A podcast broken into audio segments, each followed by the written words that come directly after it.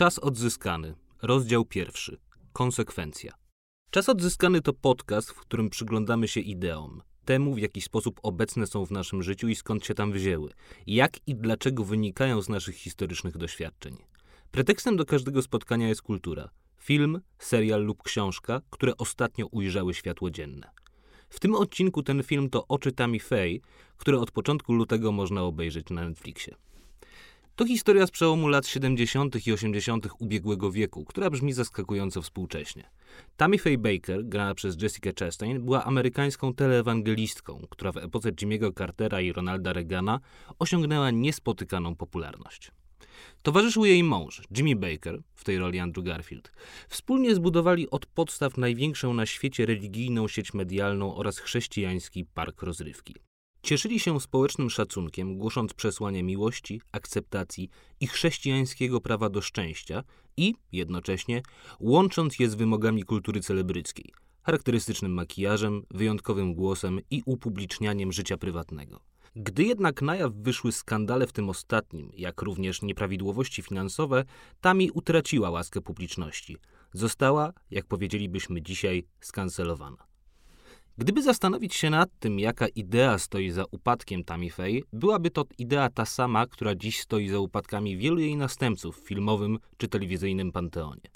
Ta idea to konsekwencja, wymaganie której rządzi dzisiaj publicznym dyskursem i po jego prawej i lewej stronie, zdając się posuniętym do granic możliwości. Od kogo i kiedy mamy prawo wymagać konsekwencji? Jakich sfer życia powinna ona dotyczyć, a jakie powinny być od niej wolne? Czy kancelowanie lewicowej youtuberki za podjęcie współpracy z olbrzymią marką modową to ruch, który w jakikolwiek sposób można usprawiedliwić? A może, przenosząc się na drugi archipelag sfery idei, konsekwencji można wymagać wyłącznie od tych, którzy głoszą tradycyjne wartości, a sami się do nich nie stosują. A jeśli już przyjmiemy postulat radykalnej konsekwencji, to czy jest ona w ogóle możliwa? Polski filozof Leszek Kołakowski w eseju z 1959 roku, w którym głosił pochwałę przeciwnej cnoty, czyli pochwałę niekonsekwencji, stwierdził na temat tej ostatniej, że jest ona, cytuję, świadomością utajonej sprzeczności świata. Koniec cytatu. W ramach owej sprzeczności przestrzeń wartości, cytuję, nie jest logicznie dwuwartościowa. Bywają wartości, które się wykluczają wzajemnie, nie przestając być wartościami. Zdaniem Kołakowskiego istnieją sytuacje elementarne bez względu na okoliczności, w jakich dochodzą do skutku. Do tych sytuacji, cytuję, nasz stosunek moralny pozostaje niezmieniony. Koniec cytatu. Konsekwencja radykalna zakłada hipermoralność. Jeżeli dawno temu Louis de Saint-Just, jeden z przywódców rewolucji francuskiej, stwierdził, że o wiele bardziej od radykalizmu i twardego obstawania przy swoim zdaniu przeraża go elastyczność, konsekwencja całkiem ją wyklucza. Każe bowiem każde ludzkie działanie, każdy ludzki wybór oceniać tak, jakby wyśrubowane kryteria tej oceny były znane już w czasie dokonywania owego wyboru. Transpłciowa youtuberka Natalie Wynn, znana szerzej jako ContraPoints, gdy próbowano ją z tej pozycji skancelować, stwierdziła, cytuję, to ta ekstremalna hiszpańska mentalność inkwizycyjna, którą mamy w mediach społecznościowych, próbująca wykryć oznaki herezji i ją wykorzenić. Ludzie na Twitterze rozkazują mi, mówią mi, w co mam wierzyć, żądają, abym powiedział dokładnie to, co chcą. To bardzo obiektywizujące. Nie traktują mnie jak osobę z własnymi opiniami i uczuciami. Traktują mnie jak markę towaru moralnego, który należy albo skonsumować, albo potępić. A to wszystko jest strasznie ironiczne z powodu sprzecznego żądania, aby twórcy byli cały czas autentyczni. Koniec cytatu. Nie brak jednak głosów z drugiej strony, że cancel culture właściwie nie istnieje, a przynajmniej, że nie jest zjawiskiem w żadnym wypadku nowym. Zdaniem apologetów tego trendu, po pierwsze, zawsze były towarzyskie anatemy, które rzutowały na pozycję danej osoby w jej społeczności. Po drugie, powiadają apologeci, ideały, w ramach których uprawia się anulowanie, są ideałami szlachetnymi. To przekonanie, że każdemu człowiekowi należy się szacunek, niezależnie od rasy, koloru skóry, orientacji seksualnej i płciowej. Po trzecie, że być może samo kancelowanie jako proces jest okrutne, ale przybliża nas do świata, w którym nie będzie potrzebne, że być może zdaje się wypełnione nienawiścią, ale jest odpowiedzią na o wiele większą nienawiść, tylko lepiej zakamuflowaną. Radykalna konsekwencja i hipermoralność powodują jednak problemy, które bez nich by nie zaistniały. Bo co zrobić z osobami, które kiedyś stosowały się do ogólnie przyjętych w ich czasach norm, które dzisiaj są oceniane negatywnie? Czy zrzucać ich posągi z pomników, jak miało to miejsce w USA i w Wielkiej Brytanii w 2020 roku? A także, co zrobić z ich dziełami artystycznymi? Czy moralne, a jeśli nie moralne, to przynajmniej przyzwoite, jest oglądanie filmów reżysera skazanego za gwałt? Co winno się uczynić z powieścią, która jest wielką metaforą, ale na poziomie dosłownym to historia młodej dziewczyny wielokrotnie gwałconej przez starszego mężczyznę? Wreszcie, jakie ma to zastosowanie w Polsce? Mówi się, że cancel culture i pokrewna jej woke culture są z istoty lewicowe. Czy sensowne jest zajmowanie się tym tematem w kraju, który z lewicą i szerzej pojętym progresywizmem ma niewiele wspólnego i w którym bardziej palącym problemem jest zapewnienie mniejszościom praw, jakie na Zachodzie mają one od kilku dekad? Czy wytykanie tej kulturze, że czyni ideał człowieka z intersekcjonalnej ofiary, nie sprawia przypadkiem, że przymykamy oczy na faktyczne polskie ofiary? O tym wszystkim porozmawiam z moimi gośćmi. Wpierw z dziennikarzem Dariuszem Rosiakiem, potem zaś z wydawczynią i pisarką Anną Dziewit-Meller. Mój pierwszy gość w zeszłym roku opublikował w Tygodniku Powszechnym płomienny tekst, w którym cancel culture się sprzeciwiał. Pisał w nim, cytuję, zawstydzanie, piętnowanie i ostatecznie unieważnianie to techniki, których ofiarami padają wszyscy uczestnicy wojny wszystkich ze wszystkimi. Koniec cytatu. Moja gościni z kolei jest szefową grupy wydawniczej Foxal. Podejmuje więc decyzję, jakie książki nadają się do wydania, a jakie nie. Także z powodów ideologicznych. Dlaczego wydała Lolitę Nabokowa i czy czuje się ostatnią gatekeeperką? Odpowiedzi na to i inne pytania przed Państwem.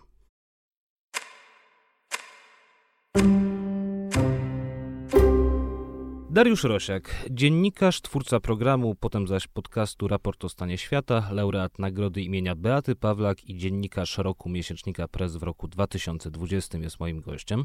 Dzień dobry. Dzień dobry.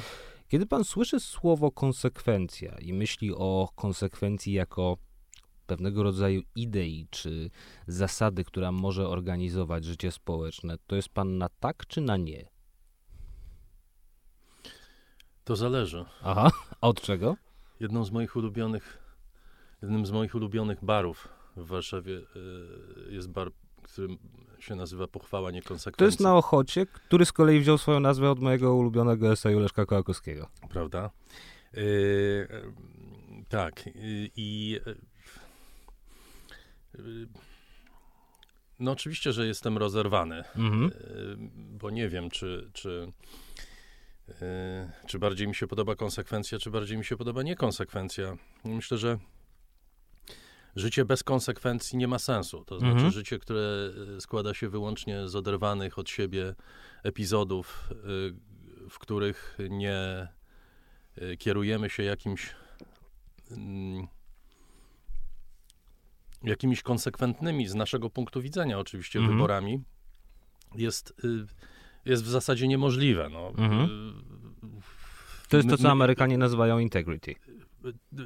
Tak, tylko y, znaczy, przypuszczam, że po angielsku to słowo ma troszkę też y, szerszy, szerszy, szerszy zasięg, bo ono dotyczy też czegoś, co po polsku byśmy nazwali prawością. Mhm, albo też przyzwoitością jakimś, tak, taką. Jakimś takim kośćcem moralnym, który, który określa nasze wybory Y, i na podstawie których podejmujemy, którego podejmujemy decyzje. Więc y, konsekwencja jest niejako nam wrodzona, mhm. Mm, przyrodzona, tak mi się wydaje. Nie chcę filozofować, ponieważ kompletnie się do tego nie nadaje. Nie, nie, nie mam e, aparatu e, językowego, który e, takie filozofowanie, filozofowanie by uprawomocniał. Natomiast z punktu widzenia praktycznego myślę, że konsekwencja jest po prostu naszym stanem naturalnym. E, natomiast y, oczywiście my się decydujemy na odchodzenie od mhm. niej i, y, i pewnie najciekawsze w życiu każdego człowieka jest to, kiedy decyduje się na wybory nieoczywiste, decyduje się na wybory, które są gdzieś tam obok tego głównego nurtu, którym normalnie mhm. płynie. To pewnie otwiera nam nowe perspektywy, otwiera nam nowe światy, y, otwiera nam wiedzę o samych sobie. E, więc yy, należy chwalić pewnie i konsekwencje, i niekonsekwencje. Tylko, że zapytałem pana o to dlatego, że mam takie wrażenie, że konsekwencja została w ostatnich latach doprowadzona, właściwie roszczenie do konsekwencji w sferze publicznej zostało doprowadzone do zupełnego maksimum. I wystarczy wymienić zdarzenia z paru ostatnich miesięcy, a także z Polski. Mamy przykład lewicowej youtuberki, która podejmuje współpracę z dużą marką modową i zostaje za to y, skancelowana przez swoich a przez swoich widzów, przez swoich słuchaczy. Mamy przykład e, tego, w jaki sposób internet w ostatni weekend właściwie, a rozmawiamy we wtorek, więc sprawa jest całkiem świeża, wyżył się na dwójce mm, byłych pracowników pewnego dużego prawicowego think tanku. Więc e, to, co mnie interesuje, to czy czy rzeczywiście w naszych czasach konsekwencja stała się raczej takim powiedziałbym, straszakiem, raczej czymś, do czego właśnie jest roszczenie, a w każdej sferze życia społecznego i czego w efekcie nie można w żaden sposób spełnić. Mnie się wydaje, że pan używa słowa konsekwencja e, w takim, w takim znaczeniu, które nie do końca pasuje do tych opowieści, o których pan mówi. To Dlaczego? znaczy, dlatego, że konsekwencja, tak mi się wydaje, ona jest naładowana pozytywnie, jednak mm -hmm. mimo mhm. wszystko my ciągle myślimy pozytywnie o, o, o, kimś, kto jest konsekwentny. Jak mówimy, że ktoś jest konsekwentny, to znaczy, że no właśnie, że jest mhm. prawy, że, y, że stara się żyć zgodnie ze swoimi zasadami, że nie odchodzi od nich. Natomiast te rzeczy, o których pan mówi, to jest część rewolucji pewnej. Aha. Y, rewolucji, która, y, tak mi się wydaje, jest konsekwencją, no chyba, że za szczyt czy kulminację konsekwencji uznamy rewolucję, mhm. prawda? To znaczy rewolucję, która... To była propozycja Kołakowskiego, który y, właśnie w tym eseju jako najbardziej radykalnie konsekwentnych wymieniał z jednej strony rewolucjonistów francuskich, a z drugiej strony radykalnych konserwatystów. Tak, to znaczy y, istotą takiej konsekwencji jest dojście do sytuacji, w której jedynym rozwiązaniem jest ścinanie głów mhm. wszystkim, którzy odstają od... Na końcu samemu sobie. Od, od wzorca metra z Sewre, mhm. a potem na, na końcu samobójstwo, tak. Więc, no tak, tylko mm, te rewolucje, o których pan mówi, oczywiście one nie, nie mają takiego charakteru. One są Aha. oportunistyczne, konformistyczne i opierają się na wszystkim tym, e, czym jest nasz współczesny świat, e, jeśli mówimy o, pewien, o, wymiarze publicznym. Mhm. Czyli, mm, y, czyli świat, w którym odmawia się y, konfrontacji z ideami, w których y, chroni się konformizm. Mhm w których y, tworzy się strefy, gdzie każdy y, ma się czuć bezpiecznie. Tak zwane a to safe spaces. A to poczucie bezpieczeństwa rozciąga się właściwie na każdą sferę życia, prawda? To znaczy, cokolwiek uznam za y, rzecz, zjawisko, osobę, która stanowi za mnie zagrożeniem, to z definicji mhm. ta rzecz, osoba, zjawisko jest zagrożeniem, prawda? Więc no, jeżeli chcemy to nazywać konsekwencją, to możemy tak robić na potrzeby tej rozmowy, ale e, tak mi się wydaje, że gdzieś to w takim doświadczeniu przeciętnego człowieka i w rozumieniu przeciętnego człowieka gdzieś tam się gubi istotne, istotne znaczenie y, tej, y, tej de, degeneracyjnej mhm. funkcji tego wszystkiego, o czym Dlaczego, mówię. Dlatego ja y, nazwałem to konsekwencją doprowadzoną do maksimum czy do ekstremum. I oczywiście ma pan rację, że w takim przeciętnym doświadczeniu tego nie ma i zapewne gdybyśmy teraz wyszli na ulicę i spytali dziesięciu przypadkowych przechodniów o to, co sądzą o trwających właśnie wojnach kulturowych, to by odpowiedzieli, że mają swoje życie i nie mają żadnego pojęcia, a, o czym mówimy. No tylko, że jedną rzeczą jest to przeciętne doświadczenie, a drugą rzeczą jest dyskurs, który w jakiś sposób także nieuświadomiony, a to doświadczenie organizuje. Ale skoro mówi pan o tej... To znaczy nie, mhm. absolutnie się z panem zgadzam. To y, myślę, że nawet jeżeli ktoś nie wie, czy nie zdaje sobie sprawy, nie interesuje się, nie, nie ma czasu mhm. na to, żeby się zajmować e, tym, e, kto, komu odmawia się prawa do, do istnienia, czy jakie mhm. książki się, mm, się unieważnia, Y, to to wpływa na nasze normalne życie, prawda? To, Jak to najbardziej. Nie, to, to, to, tak nie jest. No, to wpływa i to wpływa w sposób absolutnie y, namacalny. To znaczy listę lektur, jeśli się ustawia jeśli się ją, ją ustawia w, w sposób ideologiczny, y, w sposób, który y, wyklucza Mhm. pewien rodzaj konfrontacji ideowej, czy pewien rodzaj wystawienia dziecka czy młodzieży na, na treści, no to, to to są wybory, które decydują o tym, jacy ci ludzie będą w przyszłości. Także to ma znaczenie oczywiście.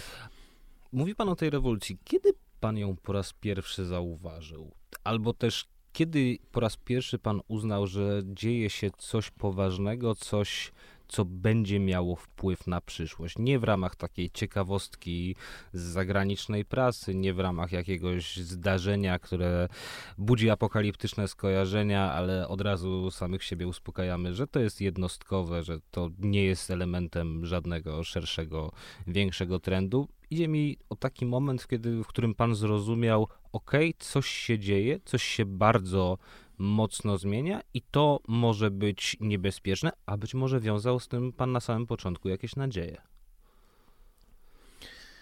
Yy, Nie potrafię zdefiniować takiego momentu. Wydaje mi się, że to się zaczęło kilka lat temu w, Mhm.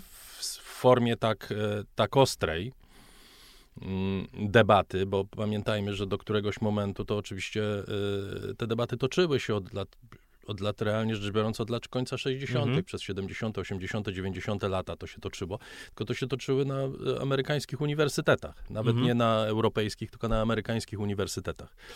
I to było bardzo ograniczone i nie miało specjalnie e, znaczenia dla normalnego życia ludzi.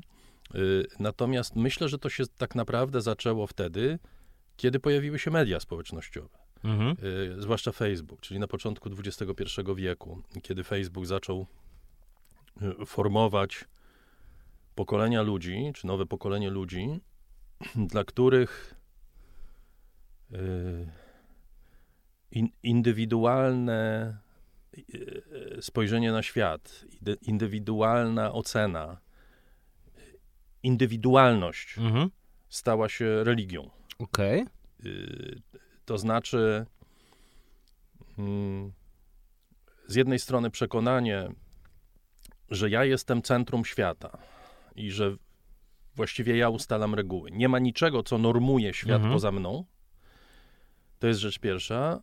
A druga rzecz to jest y, to, że wyznacznikiem norm są emocje. Tak.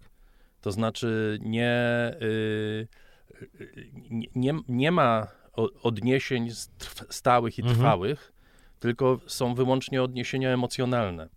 Jeżeli ja czuję się przerażony, to bez względu na to, czy mówimy o myszy, czy o wojnie nuklearnej, Mhm. czy o zmianie klimatycznej, to to ma totalne takie samo znaczenie. Mhm. Jest taka ładna scena mm, w tym serialu Apple'a, The Morning Show, kiedy właśnie skancelowany prezenter amerykańskiej telewizji w drugim sezonie siedzi sobie na ryneczku w jakimś włoskim mieście i podchodzi do niego amerykańska studentka, która jest na jakiejś wymianie. Prezenter je sobie lody, na co ona podchodzi i mówi mu, nie jest okej, że tu siedzisz, właśnie swoim siedzeniem zrujnowałeś moje popołudnie. Mhm. That's the point, prawda? Że idzie bardzo indywidualne odczucie, które, e, które jest projektowane na całą rzeczywistość. Z tym, że z jednej strony mówi pan o radykalnym indywidualizmie, a z drugiej o konformizmie. Jak to się ze sobą łączy? Gdzie jest ten punkt spotkania? Y, Konformizm to jest uleganie presji otoczenia, Mhm. y, w którym jesteśmy, prawda? Czym innym jest konformizm, jak jesteś dziennikarzem Gazety Polskiej, a czym innym jest Tak. konformizm, jak jesteś dziennikarzem Gazety Wyborczej, Mhm. prawda? Są zupełnie inne y, sytuacje, y, co nie znaczy, że w, w, rzecz biorąc generalnie, Mhm. nie podlegasz tym samym y, zasadom, czy tym samym elementom. Więc je- jedno z drugim doskonale idzie w parze. Y, je- Jestem, jestem konformistą. Pe, pe, y, y, y, owczy pęd w tej chwili polega na tym, że mm, zmieniam poglądy zależnie od tego, jak Mhm. zmienia je moje środowisko, które może je zmieniać w każdej chwili, w każdym kierunku. Mhm. Y, I ja się temu poddaję, bo, bo idę za tym, prawda? Ale to jest świadome, bo jeśli mówimy o konformizmie dziennikarzy Gazety Polskiej, czy Gazety Wyborczej, czy wiem, Wiadomości TVP, no to dosyć dobrze wiemy, że e, często to nie są głupi ludzie, którzy, tylko tacy, którzy dostrzegają bardzo też wymiernie finansowo określone profity, a, czy też towarzysko, by, by, by, by za tym iść. No a tutaj właściwie jaki jest profit? Y, profit jest y, w bardzo, bardzo w wielu miejscach ważny. Mhm. To znaczy, ale jaki? W środowiskach mhm. młodzieżowych profitem jest bycie częścią społeczności, okay. prawda? Jest presja rówieśnicza, która jak wiemy jest jednym z najważniejszych mhm. Dlatego, że to y, zawsze było. Z najważniejszych elementów naszego życia. Mhm. Tak, jasne, że to zawsze było i zawsze temu ulegaliśmy, tylko w tej chwili ona jest czym innym niż mhm. w dawnych czasach, prawda?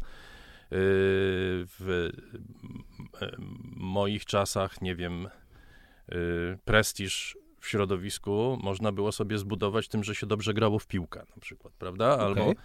prestiż miała dziewczyna, która była najładniejsza w klasie. dlatego, że była najładniejsza i, i, nikt specjalnie nie miał problemu z tym, żeby określić, mm -hmm. zdefiniować, która jest najładniejsza, a, a który chłopak jest najbogatszy na przykład i to dla, jeszcze w moich czasach w, w PRL-u to było tak, że, że ta osoba mogła być albo nielubiana, albo lubiana za to, Aha. że jest najbogatsza. Ale że był wrogiem klasowym, przepraszam. Pytam A, z, z, ciekawości zupełnie. No akurat w mojej klasie nie był, Aha. bo miał też inne y, cechy, które powodowały, że był bardzo atrakcyjny dla wielu ludzi. Chociaż y, no to oczywiście po, po, powodowało jakieś tam inne konsekwencje, na przykład był niedostępny dla jeszcze innych. Mhm. W tej chwili te, te, e, ten prestiż buduje się na, na innych podstawach, mhm. prawda? Kiedy powiesz, że dziewczyna jakaś jest najładniejsza w klasie, albo że, że próbujesz w ten sposób postępować, to ona się może poczuć e, albo udać, że się czuje urażona, albo, i, albo brzydsze dziewczyny się poczują mhm. urażone, prawda? Profitem może być mhm. pozycja w grupie, prawda? Ja się z tym wszystkim y, zgadzam. Profitem, mhm. profit, profit może być czysto merkantylny, prawda? No, y, jestem w środowisku, w którym wszyscy nienawidzą PiSu, więc mhm. Y, i, i, i, i, wszyscy zarabiają. Na nienawidzeniu Na PiSu. nienawidzeniu PiSu, więc ja jestem częścią tego środowiska. Albo jestem w środowisku, w którym wszyscy nienawidzą opozycji prawda? I na tym zarabiam. To są również merkantylne, yy, merkantylne korzyści.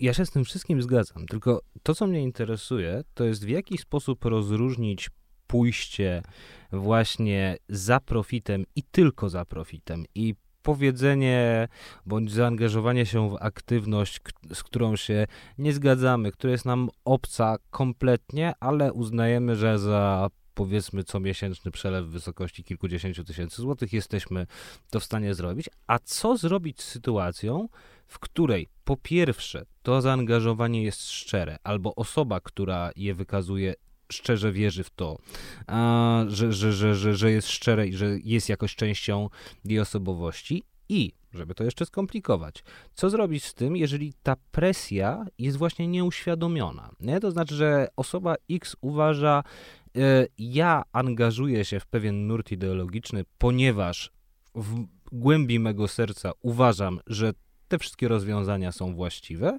i nagle nie wie, że jej zaangażowanie jest powiedzmy efektem tak po poetycko ujmując, spisku algorytmów, nie? że to wszystko zostało jej właściwie podane na tacy jako pewien gotowy produkt, jakaś gotowa papka ideologiczna. No tutaj pan dotyka bardzo głębokich kwestii, co do których mogę tylko powiedzieć, że, y, że, y, że no tak, to znaczy szczerość jest przereklamowana, tak samo mhm. jak wolność osobista jest przereklamowana. No są, są, jak wiemy, psycholodzy społeczni, którzy uważają, że nie istnieje nic takiego jak wolność, że wszyscy jesteśmy kształtowani i to, że ktoś, ja, ale ja całkowicie, y, całkowicie wierzę w to, że jeżeli jakaś osoba twierdzi, że obrażam ją, mówiąc, kiedy widzę przed sobą kobietę, mówiąc o niej kobieta, a okazuje się, że ona jest y, osobą transseksualną i nie chce być nazywaną kobietą, to ja całkowicie szczerze wierzę w to, że, y, że ta osoba jest szczera. Mhm. Całkowicie w to wierzę.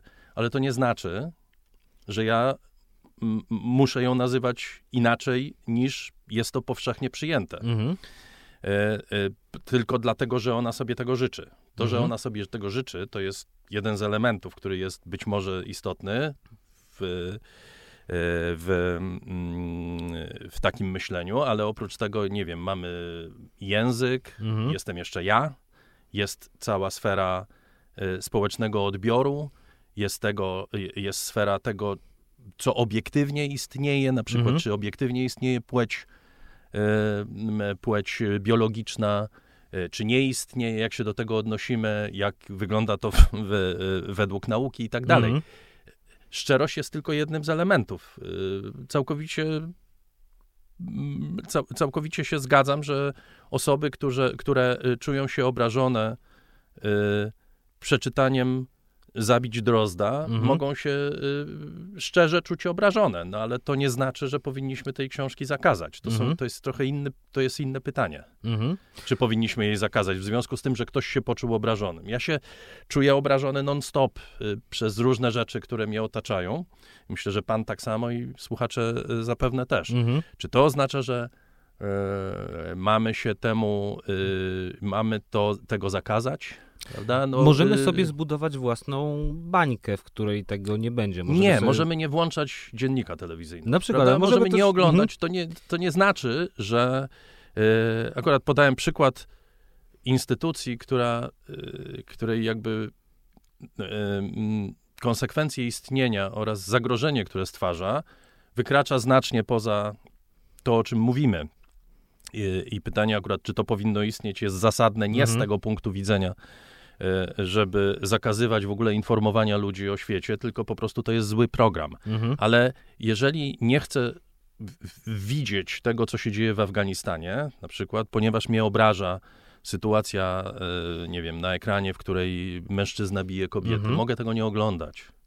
Natomiast nie mogę wymagać od innych ludzi, Mhm. żeby przestali się interesować i, i przestali y, y, mieć potrzebę bycia Mhm. informowanym na temat tego, co się dzieje na świecie. Okej.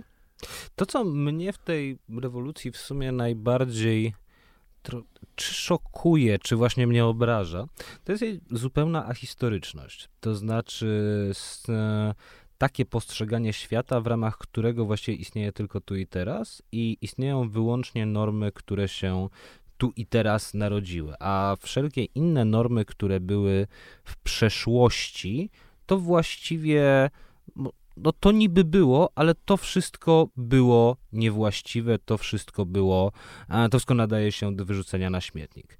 E, czy taki moment historyczny już kiedyś był? Czy taki moment w dziejach świata był według pana? Moim zdaniem to, to jest cały czas to samo. To znaczy, Aha. Wszyscy ludzie, którzy się rodzą i którzy dochodzą do wieku tam 17-18 Mhm. lat, myślą, że się właśnie zaczyna historia. Że, e, Tylko, że to świat, robią też starsi, nie tylko 17 i 18-latkowie. e, m- myślę, że e, większość ludzi, e, znaczy no wszyscy jesteśmy jakimiś odrębnymi światami, Mhm. i gdzieś tam e, bardzo szybko, między innymi element dojrzewania polega na tym, żebyśmy, że rozumiemy, że świat się nie zaczął od nas, Tak. że było coś wcześniej, było coś później. E,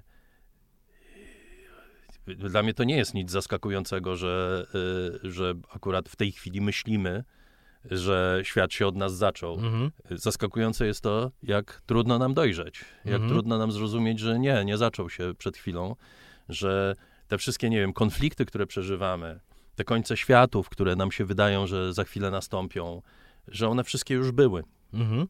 E, żeby było jasne, ja nie, ja nie jestem, e, ja nie zaprzeczam e, ociepleniu klimatycznemu i tak dalej. I, i, i, natomiast ko- ko- końce świata już się zbliżały. Końcem Mhm. świata była pierwsza wojna światowa, końcem świata była druga wojna światowa, końcem świata były poprzednie e, rzezie, masakry, wojny i tak dalej. I one niekiedy okazywały się końcem świata dla niektórych wspólnot dla niektórych ludzi, dla, e, dla niektórych rejonów świata i tak dalej. Ale mm, nie, nie wydaje mi się, żebyśmy e, przeżywali coś, coś nowego. Historia jest takim, mi się wydaje, katalogiem rzeczy, które yy, robimy po raz kolejny, z nadzieją, że efekt będzie trochę inny. Pan napisał w 2019 roku pierwszą taką biografię Baumana przed książkami e, Artura Demosowskiego i profesor Izabeli Wagner. I e, biografia pana autorstwa różniła się od tych dwóch książek jednym bardzo istotnym elementem, czyli oceną działalności Baumana na przełomie lat 40. i 50. ubiegłego wieku. I potem pan to mówił także w wywiadach, kiedy pan twierdził, że właśnie Zygmunt Bauman nigdy się nie rozliczył z tym, co, a co, co w, w, w polskim stalinizmie tak zwanym robił. I tutaj powstaje pytanie, czy można właściwie też ahistorycznie, z takiej perspektywy dosyć wygodnej, późnego wnuka, tak oceniać tamten wybór, który, którego dokonał był a, właśnie na przełomie lat 40. i 50. Nie można, tylko że ja nie, ja nie doceniam, ja nie oceniam tego Aha. wyboru, w, którego dokonał y, Bauman. Ja go raczej opisuję. Mhm. Jedyne, zresztą nie wiem, czy, czy to jest to cenne, no w każdym razie ja po prostu stwierdzam fakt, że on Okej. się nie odniósł do tego w taki sposób, w jaki odnosili się inni y, y, ludzie, y, którzy byli w podobnej sytuacji, nie wiem, Leszek Kołakowski, Krzysztof Pomian, czy jeszcze paru innych. Y, czy to, że on się do tego nie odnosił y, w taki jednoznaczny sposób, jest zrozumiałe? Czy można to zrozumieć? Mhm. Można to wytłumaczyć? Oczywiście, że można. Y, I to, o tym też piszę. Y, Myślę, że on się nie chciał rozliczać na zasadach, które były mu proponowane. To Mhm. znaczy na zasadach, które, które wyglądały w ten sposób, że y, mówiono mu, y, masz krew na rękach, jesteś stalinowskim zbrodniarzem, Mhm. y, przedstawicielem sztandarowym Żydokomuny i, i te, przyznaj się do tego.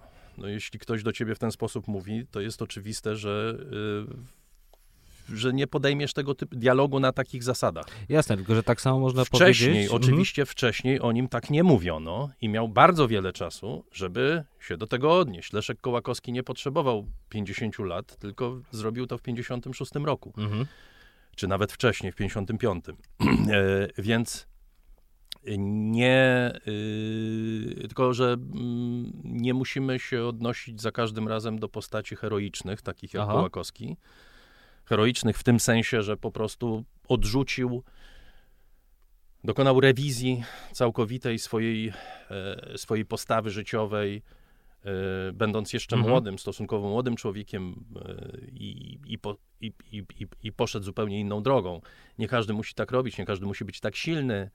Myślę, że warto, żeby to zrozumieć. Ja y, w ogóle jako człowiek, który pisze książki, ja się zawsze staram postawić po stronie mojego bohatera, bo inaczej to, to trochę nie miałoby Mhm. sensu pisać. Nie, nie, nie wiem.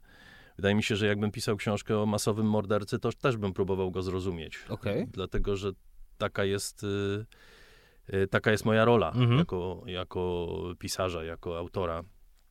Natomiast w, przypadek Baumana jest, y, jest y, oczywiście bardzo skomplikowany, bardzo mm, ciekawy między innymi Mhm. dlatego właśnie. No dobra, tylko że mówi pan, że Baumanowi mówiono, jesteś stalinowskim oprawcą, masz krew na rękach, co właściwie moim zdaniem niewiele się różni właśnie od e, wystąpień, które się jakoś zaczęły dwa lata temu i do dzisiaj trw- trwają, kiedy e, stwierdza się, że powiedzmy niektóre koledże w Wielkiej Brytanii nie powinny nosić e, imienia Winstona Churchilla, ponieważ był oprawcą imperialistycznym. I to, co mnie w tym interesuje, to jest właśnie ten moment, wie pan, przyjęcia postawy heroicznej. Czy rzeczywiście od każdego, bo pan powiedział, że nie od każdego można jej wymagać, prawda, że Kołakowski był jakimś takim wyjątkiem. No dobra, tylko że z drugiej strony mam wrażenie, że jeżeli dzisiaj ktoś nie przyjmie tej postawy heroicznej w dyskursie publicznym, w dys- w dyskursie społecznym, to to jest właśnie a, powód jego anulowania. To jest stwierdzenie, że skoro już wszedłeś na ten świecznik, na którym się znajdujesz, to musisz być herosem, bo inaczej nie zasługujesz na znalezienie się na nim. Nie wiem. Y, się wydaje, jeśli mogę się odnieść do postaci y, Baumana, Mhm.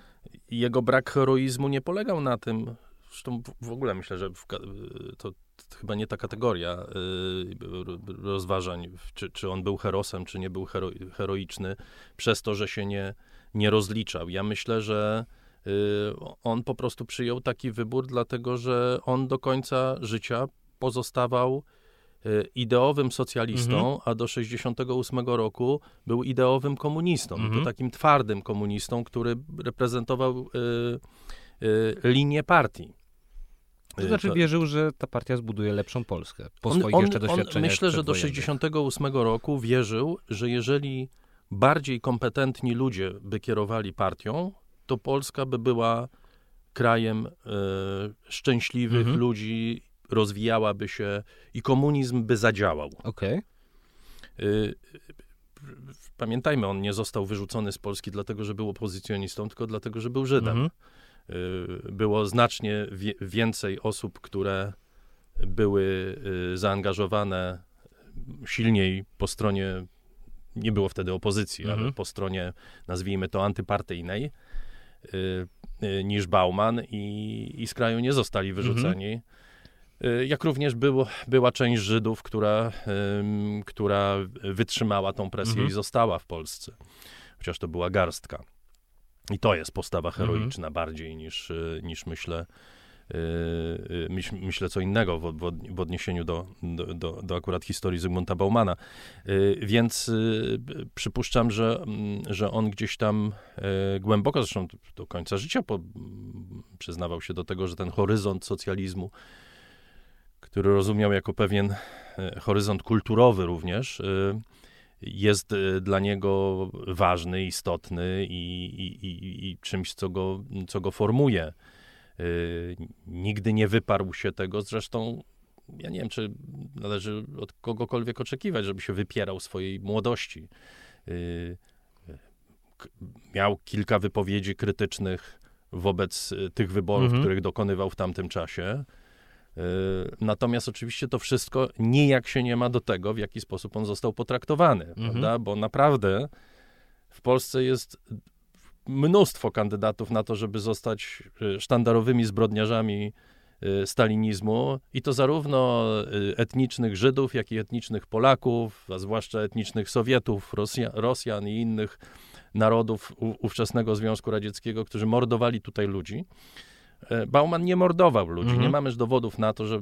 Ja że pamiętam pana robotę archiwalną. Że, książce, że, to tak. się, że to się trzyma kupy. Nie ma takiej możliwości. Mhm. Natomiast e, to e, i tutaj się w 100% z panem zgadzam, że, że absolutnie ta, ta, ta, ten, to zjawisko kultury unieważniania, czy, czy, czy może właśnie unieważniania kultury, raczej dotyczy zarówno lewicy, jak i prawicy. Mhm. Prawda? Ostatnio mamy historię o o zakazie e, publikacji, czy, czy nie tyle publikacji, ile czytania e, myszy e, Spiegelmana mhm. w, w, w, w, jednym ze Stanów amerykańskich, prawda? Który to, tylko przerwę, bo dzisiaj czytałem na ten, na ten temat rano artykuł w New York Timesie. W ciągu ostatniego pięciolecia banowanie książek, takie odgórne, państwowe, że się tak wyrażę, a w Stanach Zjednoczonych wzrosło trzykrotnie. Mhm. I nie właśnie nie chodzi o takie banowanie, że nagle ktoś w jakimś koledżu powie, że książka go uraża. Idzie o ichniejszych Tutaj chodziło o szkołę, oświaty. o szkołę w Tennessee tak. chyba. Idzie o ichniejszych kuratorów oświaty, by tak, tak, tak tę tak. instytucję naszą tam przenieść na tamten grunt.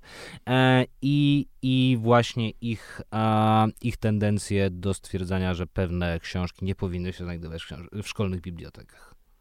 No tak, właśnie to jest, to jest jeden, jeden z y, tych elementów i Bauman jest typowym przykładem, jeśli mm -hmm. chodzi o polskie. Myślę, że to jest o jeśli, to jest taki, taki bardzo, bardzo typowy, szczegółowy przykład. Y, chociaż tutaj oczywiście możemy też szukać mm, y, bardzo konkretnych y, powodów. Myślę, że fakt, że y, że odniósł ogromny sukces za, mm -hmm. zawodowy y, za granicą, i to się niektórym ludziom w Polsce nie podoba.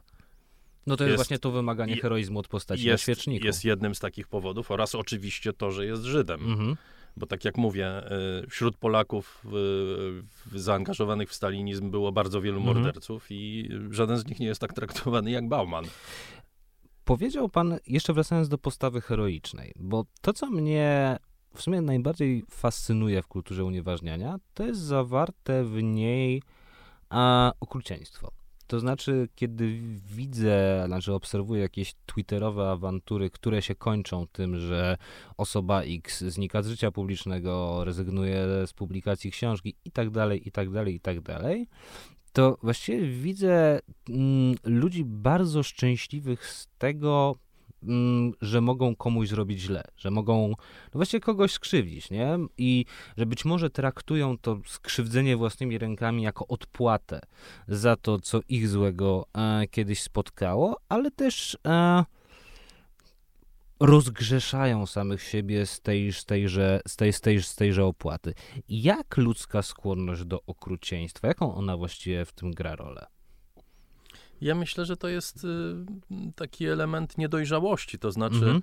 tak jak y, chłopcy, nie tylko chłopcy zresztą, ale dzieci w klasie y, uwielbiają znęcać się nad słabszym. Mhm I, I coraz więcej osób przyłącza się do takiej nagonki, i czasem trzeba wykazać się rzeczywistym, bardzo, bardzo mocnym kośćcem moralnym, żeby w wieku 10 czy 12 lat nie przyłączyć się do, tak. do, do, klasowej nagonki na kogoś, kto się jąka na przykład albo jest rudy.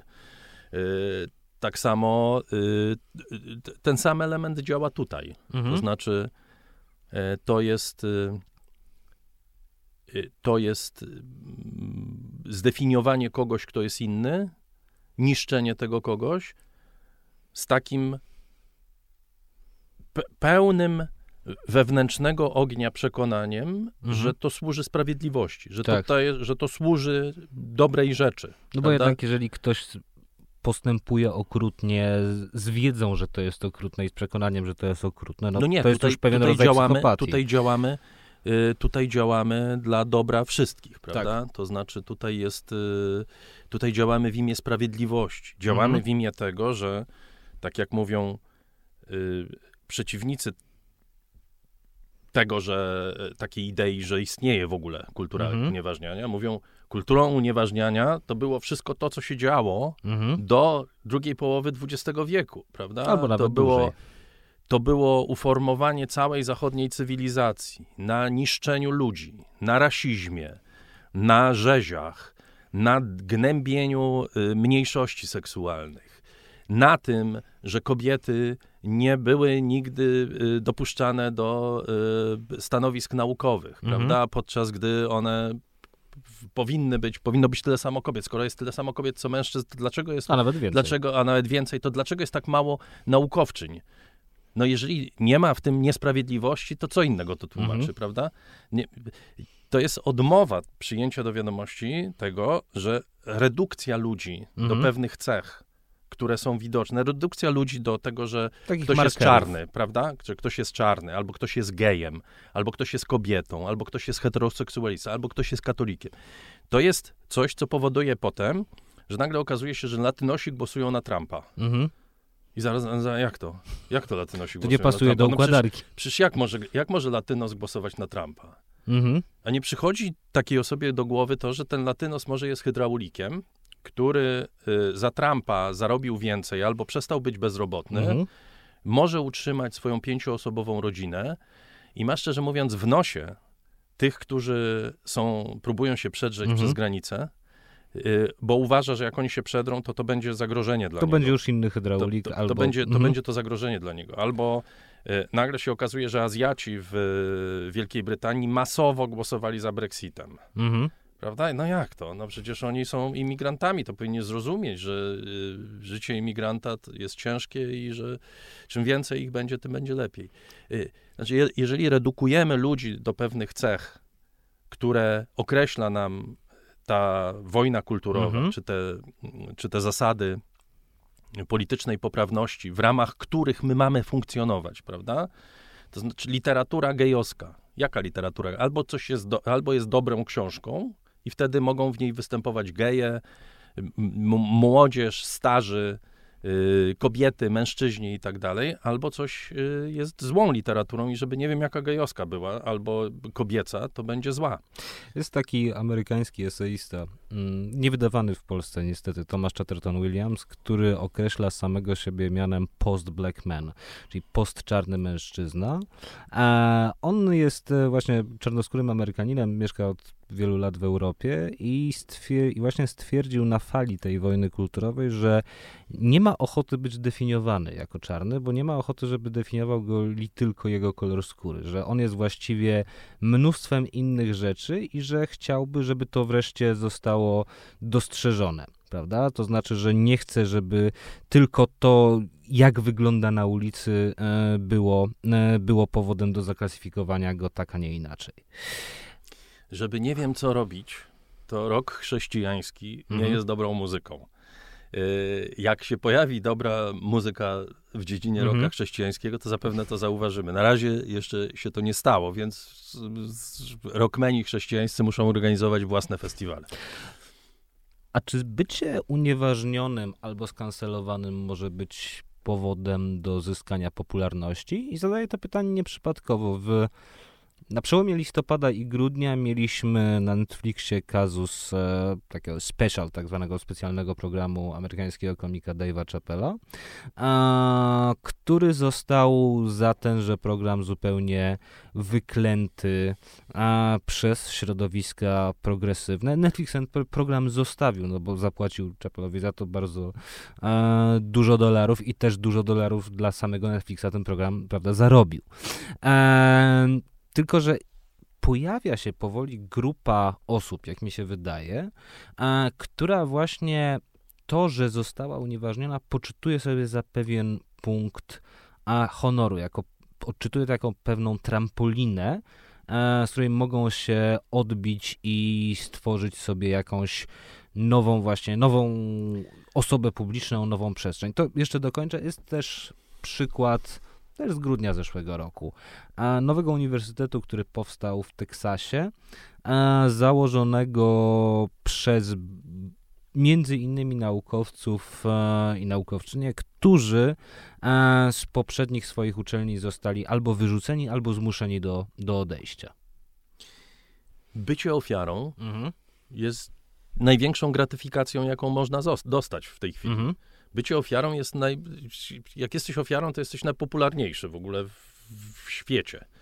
Więc każdy chce być ofiarą. Y, bycie skancelowanym daje y, dużo satysfakcji mhm. również, ponieważ jest to mnie mowa, ja mogę powiedzieć, no skancelowali mnie, jest, jestem, jestem fajny, bo mnie skancelowali, w ogóle zostałem zauważony.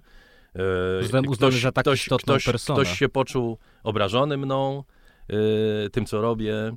I, yy, I w związku z tym yy, proszę, patrzcie na mnie, bo, bo, bo teraz cierpię. Yy, no a przy okazji mogę parę złotych zarobić, tak? Czy Tylko, że to jest zapisywanie się do tej kultury, w ramach której bycie ofiarą... Ale tak jak wcześniej powiedzieliśmy, mhm. to nie jest tak, że y, to jest jedno...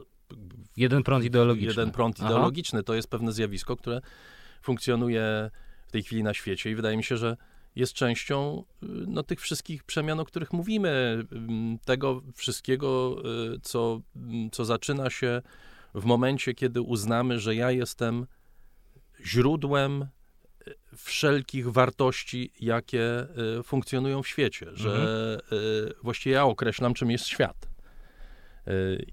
I, i w związku z tym nie, nie, nie, nie ma tak, że, że uznajemy komplikacje, że świat jest skomplikowany, że światem rządzą różnego rodzaju mhm. elementy, różnego rodzaju prądy, że na nasze życie wpływają y, różne zjawiska. Y, tylko redukujemy no w tym wypadku redukujemy je do jednostkowych mhm. emocji, które, mm, które określają mm, świat. To na koniec zadam panu pytanie, które zadała wczoraj mnie Anna Dziewit-Meller, rozmowy z którą także wysłuchacie państwo w tym odcinku. Ja na to pytanie odpowiem za chwilę, a właściwie wczoraj odpowiedziałem wczoraj nie i wyjaśniłem dlaczego, ale ciekawi mnie pana odpowiedź. Czy pan się boi zostania skancelowanym, albo czy zakłada pan taką możliwość, że kiedyś to pana spotka? I jeszcze dodam, że kiedy dzisiaj przed naszą rozmową zajrzałem sobie na Facebooka Tygodnika Powszechnego i poczytałem komentarze z lutego zeszłego roku, kiedy opublikował pan właśnie w tygodniku a, bardzo duży tekst na temat kultury anulowania. I to powiedzieć, że były to komentarze nieprzychylne, to nic nie powiedzieć. Wie pan, ja chodzę czasami do TVN-u, No. y, do, do, do Marcina Mellera. I jakby pan chciał poczytać ludzi, którzy mnie nienawidzą, to tam Mhm. może pan znaleźć takie, y, y, takie komentarze. Kiedy się występuje publicznie, to kiedy w ogóle co, cokolwiek się robi publicznie, Mhm. to należy przyjąć do wiadomości, że będzie się krytykowanym. Jak się tego nie chce, to nie należy występować publicznie. Y, Więc ja na to w ten sposób patrzę. Y, y, mm, Nie, nie wiem, y, nie wiem, co miałoby oznaczać skancelowanie w takiej dramatycznej jakiejś formie. No, y, Przykładowo, że raport o stanie świata nagle przestaje się tak świetnie utrzymywać z, pła- No ale raport o stanie słuchaczy. świata może się przestać u, utrzymywać w każdej chwili. Ja mam Mhm. co tydzień, myślę, kilka e, zgłoszeń osób, które przestają nas wspierać z Mhm. tego powodu, że im się nie podoba to, co ja powiedziałem. Okej. To jest Jak pan na po- to reaguje wtedy? nijak nie reaguje. To znaczy, no są ludzie, którzy się dołączają i są ludzie, którzy odchodzą. Mhm. Tak, tak to wygląda. Yy, Jeżeli się decydujesz, powtarzam, na to, że występujesz publicznie i że w ogóle cokolwiek mówisz, to narażasz się również na krytykę. Ja nie, ja nie, nie, nie patrzę na to w kategoriach kancelowania, Mhm. akurat tym wypadku, tylko patrzę na to w kategoriach normalnej krytyki, która moim zdaniem bardzo często przekracza granice y, dobrego smaku, przekracza granice, y, które, które wyznacza przyzwoitość, ale y, y, muszę to przyjąć, dlatego że nie ja ustalam te granice w tej chwili. Ani, ani nie są to granice normatywnie u, Mhm. ustalane. No taki mamy świat, taki sobie świat zrobiliśmy i ja w ramach jego funkcjonuję, przyjmuję, przyjmuję te reguły, bo nie mam specjalnie wyboru, natomiast y, staram się cieszyć tym, co robię i nie przejmować niczym innym. I to jest chyba bardzo właściwe podejście, przynajmniej do momentu, w którym działa. Bardzo dziękuję. Dariusz Rosiak, dziennikarz, twórca raportu o stanie świata, laureat nagrody imienia Beaty Pawlak i dziennikarz roku w roku 2020 był moim gościem. Dzięki serdecznie. Dziękuję bardzo.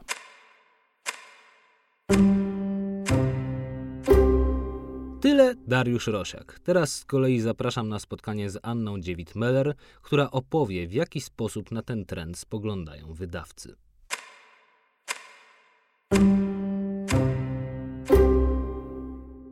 Anna Dziewit-Meller, pisarka i redaktorka naczelna grupy wydawniczej Foxal jest moją gościnią. Dzień dobry. Dzień dobry. I na początek chciałem ci zaproponować taką zabawę, że zajmujesz to samo stanowisko, które zajmujesz w Warszawie, ale przenosimy się z Warszawy za ocean.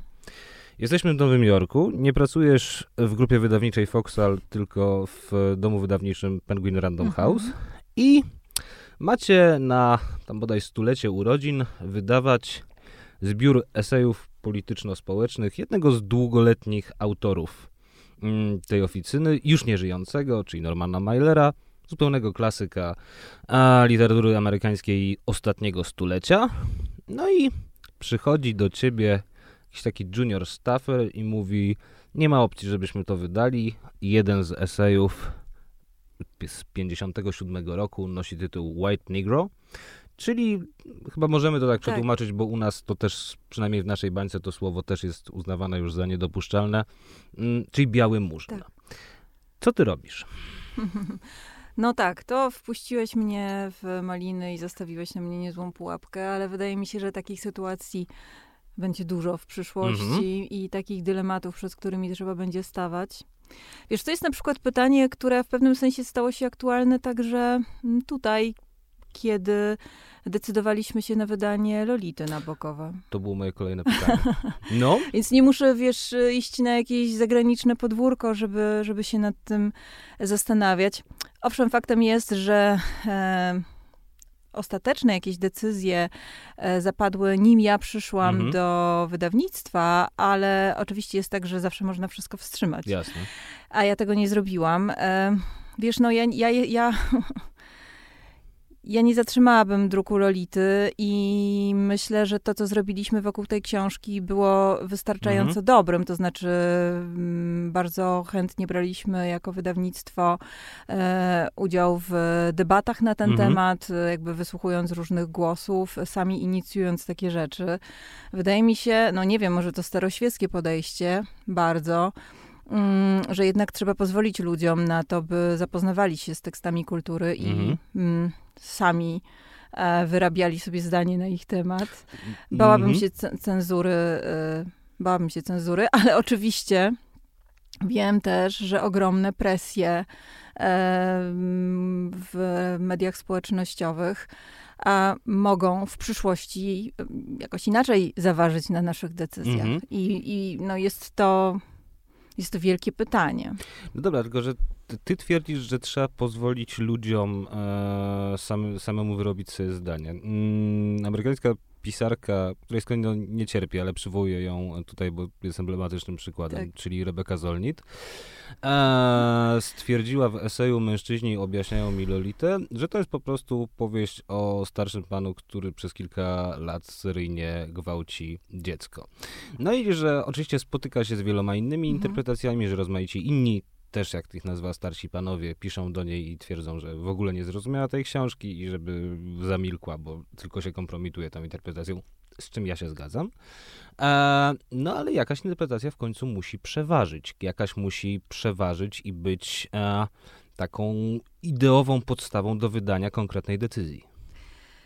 Za każdym razem będzie to konkretna decyzja konkretnej osoby Mhm. w konkretnych okolicznościach. Myślę też, że e, na polskim gruncie rozmawiamy jednak trochę inaczej niż na gruncie amerykańskim. Jasne. E, I te konteksty też trzeba brać pod uwagę. Takie Mhm. mechaniczne przekładanie tych sytuacji e, właśnie w kontekście cancel culture i kultury kolautu trochę nie ma sensu. My tutaj ma i nie ma zarazem. No. No. właśnie, to jest taka znowu jakaś e, piekielna pułapka, bo wiesz, my żyjemy w Polsce, w kraju, w którym jakby systemowo pewne rzeczy są mm, kancelowane, tak? Są Ale kancelowane z jakby, Mhm. z, wiesz, z... Mm, z wyżyn e, władzy, e, Jasne. więc wie- wiesz, no to, to jest jakby podwójne, podwójnie trudne, tak? Tylko, Bo- że wiesz, jest pewna różnica między tym, że y, znana aktorka mm, wpierw wypowiada się o sytuacji na granicy, a później pan Jacek Kurski tak. zawiesza, czy też zwalnia ją z a, grania w popularnej telenoweli, a jest, ponieważ, no właściwie, przepraszam, tak, tak wprost to powiem, nikt tej telenoweli i pana Jacka Kurskiego nie traktuje poważnie, tak? No a tutaj mówimy rzeczywiście o instytucjach i osobach, które kształtują jakieś pole kulturowe. Jeśli mówisz jeszcze o kontekście polskim, że on jest e, specyficzny, bo jest mamy tutaj jakiś systemowy, bardzo prawicowy canceling, to z jednej strony się zgadzam, z drugiej strony przypominam, że jesteśmy krajem peryferyjnym bądź półperyferyjnym, do którego z oceanu trendy dochodzą Oczywiście. i się adaptują na, nasz, na naszym poletku. Oczywiście, tym trudniej się w ogóle o tym Mhm. rozmawia, bo ja e, nie chcę tutaj absolutnie mówić, że, że naszym problemem nie jest cancel culture, no bo jest Mhm. i będzie i e, wystarczy porozmawiać z przyjaciółmi z uniwersytetów, by, e, by poczuć już zimny oddech No. e, wyroków ferowanych bardzo mm, lekką ręką. Jasne, jasne, jasne. Ja tylko mówię, że u nas to jest jeszcze bardziej skomplikowane, dlatego że w tym wszystkim jest nieustająca ambiwalencja. Z jednej Tak. strony jest właśnie systemowe kancelowanie pewnych grup społecznych przez władze, z drugiej Mhm. strony te nieubłaganie płynące do nas trendy z zachodu, które w jeszcze jakiejś być może spotworniałej formie w Mhm. ogóle tutaj się y, będą em, ujawniały. Więc y, tak naprawdę tkwimy w mm, jakimś takim zaklętym kręgu i właściwie w którą stronę się nie odwrócisz, z tyłu zawsze cztery litery. No. A czego ty byś nigdy nie wznowiła? Jakiej książki z przeszłości? Albo zapytam inaczej, jaką książkę sobie, którą czytałaś bardzo dawno temu, albo film, powtórzyłaś ostatnio i nie tyle pomyślałaś, że dzisiaj by nie przeszło, bo to jest już jakaś O, ocena sytuacji, ale przeszło. mm, poruszyła ta książka w, czy film w tobie takie struny, że stwierdziłaś, to jest bardzo nie okej, co tam się dzieje, nie powinno tak być. Wiesz co, dosyć często e, czuję taką emocję, oglądając jakieś e, stare produkcje, przede wszystkim oglądając filmy, wiesz? Mhm. Mm, I chyba to mam tak bardziej na bieżąco w głowie. Ostatnio oglądałam z dziećmi taką, ksi- taką e, produkcję filmową sprzed lat, e, która zresztą e, dla czarnej społeczności była niezmiernie ważną, czyli Książę w Nowym Jorku. Okej, Nie ja tego nie pamiętasz? widziałem. Jest to taka, no, wydawało się niegdyś kultowa komedia z Eddie Murphym, Okej, mhm, e, który jako książę Zamundy, takiego, mm, powiedziałabym, nieco utopijnego kraju afrykańskiego, przyjeżdża do Nowego Jorku, żeby sobie znaleźć narzeczoną. No jest to potwornie seksistowski Mhm. film, ale potwornie. Oglądałam to z moim dziesięcioletnim synem i przyznaję, że po prostu oboje e, cierpieliśmy, bo no, a kto bardziej? myślę, że ja, Aha. Myślę, że ja, on jeszcze jest może trochę za mały, by wszystko mm, tak dobrze e, rozumieć i odczuwać. Natomiast no, jakby seksizm mm, różnych sformułowań w tym filmie e, nawet dla niego był zupełnie czytelny. E, więc e, takie rzeczy zdarzają mi się często, bo dosyć, e, bo dosyć często sięgam do tych produkcji filmowych sprzed Mhm. lat i rzeczywiście no, są tam rzeczy, które by absolutnie nie przeszły. Jeśli idzie o literaturę, no to pewnie też bym znalazła kilka takich tytułów. Wiem, że zmierzasz do jasnej w, e, odpowiedzi na pytanie e, tutaj i brzmi one Małgorzata Musierowicz. Nie, właściwie w ogóle nie, Nie, chciałem poruszać nie, tego tematu. Nie, nie.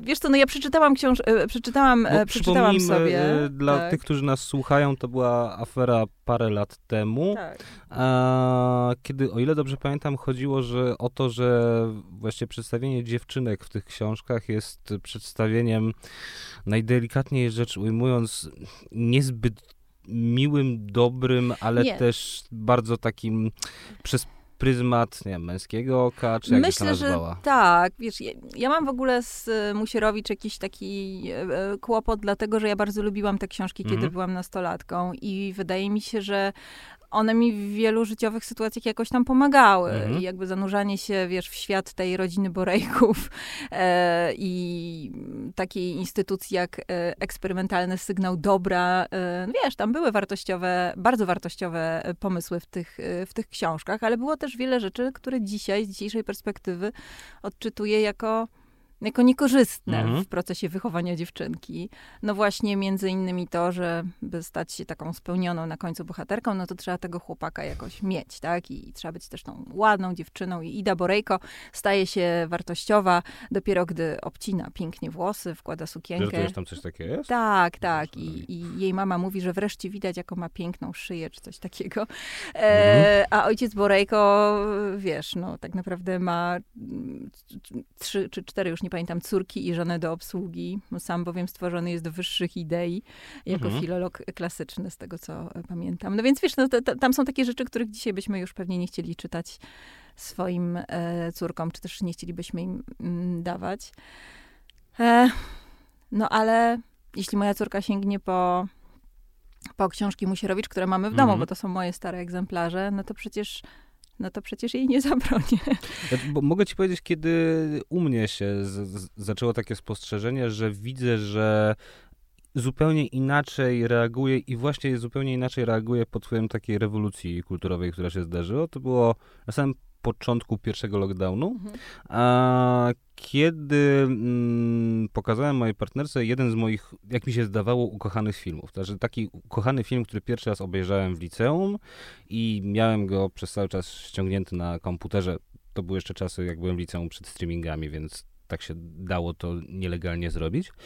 E, to był film e, na podstawie powieści Filipa Rota Konające zwierzę pod tytułem Elegia z Benem Kingsleyem i Penelope Cruz. Ja dosyć tak e, lubiłem sobie ironicznie mówić, że właśnie pod wpływem tego filmu ogoliłem się na łyso i postanowiłem zostać intelektualistą, bo uznałem, że skoro ten Ben Kingsley ma tam takie życie, to ja też takie chcę Tak. prawda?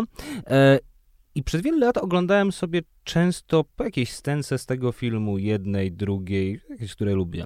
I w e, 2020 roku pierwszy raz właśnie od chyba 2009 obejrzałem ten film w całości. Od początku do końca, właśnie pokazując go drugiej osobie. No i znalazłem ten film absolutnie nie do zniesienia. To znaczy, e, sa, to znaczy samo zachwyty nad e, pięknem bohaterki granej przez Penelope wydaje mi się tak głupawe i tak krzywdzące, że tego się naprawdę nie dało oglądać. I zdenerwował mnie ten film. Ja cię absolutnie rozumiem. Te emocje towarzyszą mi naprawdę często yy, i... No ale wiesz, yy, chciałabym mieć prawo Mhm. do tego, żeby mieć te emocje. To znaczy chciałabym, żeby te wszystkie rzeczy były dostępne, Mhm. żeby nikt nie powiedział, że no tutaj, tutaj prawdopodobnie się zdenerwujesz na seksizm albo na cokolwiek innego. Tak zwane trigger warnings. E, Tak jest. Znaczy jakby okej. Natomiast pozwólcie mi, pozwólcie mi Mhm. samej y, jakby skonfrontować się z tym dziełem, czymkolwiek ono jest i, i, i już. A jeśli chodzi o autorów? Bo znowu przykład e, amerykański. E, bo tu mówiłaś o presji w mediach społecznościowych. To się też wydarzyło na samym początku lockdownu w 2020, kiedy inny amerykański dom wydawniczy miał publikować autobiografię Woody'ego Allena, która w Polsce wydał... Wyszła, wyszła wyszła, wyszła, wyszła. E, I w ogóle kontrowersji, kontrowersji nie wzbudziła i w tym momencie, kiedy już ta publikacja, już duży, maszyny drukarskie miały ruszyć, a syn reżysera, czyli Ronan Farrow, zorganizował manifestację, była wielka presja w mediach społecznościowych. W efekcie autobiografia ukazała się u innego wydawcy. No więc co robić z dziełami kultury, które są a, stworzone no w przypadku Elena tylko przez oskarżonych o, albo ludzi, wokół których krążą pewne plotki w sferze publicznej, bo o prawie jak autorytecie jeszcze, jeszcze, jeszcze będziemy rozmawiać, no właśnie tylko oskarżonych o. Co, co, co z tym zrobić? No to jest oczywiście doskonałe pytanie i pamiętam, że kiedyś już rozmawialiśmy na ten temat, byliśmy razem zaproszeni do Świętej Pamięci Trójki, Już wtedy Eee, przejętej, ale już wtedy da, przejętej, dało się jeszcze tam gadać. ale jeszcze nie całkowicie, to było naprawdę dawno temu, Boże, Boże, jak czas leci. Pamiętam, że rozmawialiśmy wówczas o Polańskim. Mhm. Em, To był 2017 rok i Mhm. listopad, czyli gadaliśmy na fali mitu. Tak jest.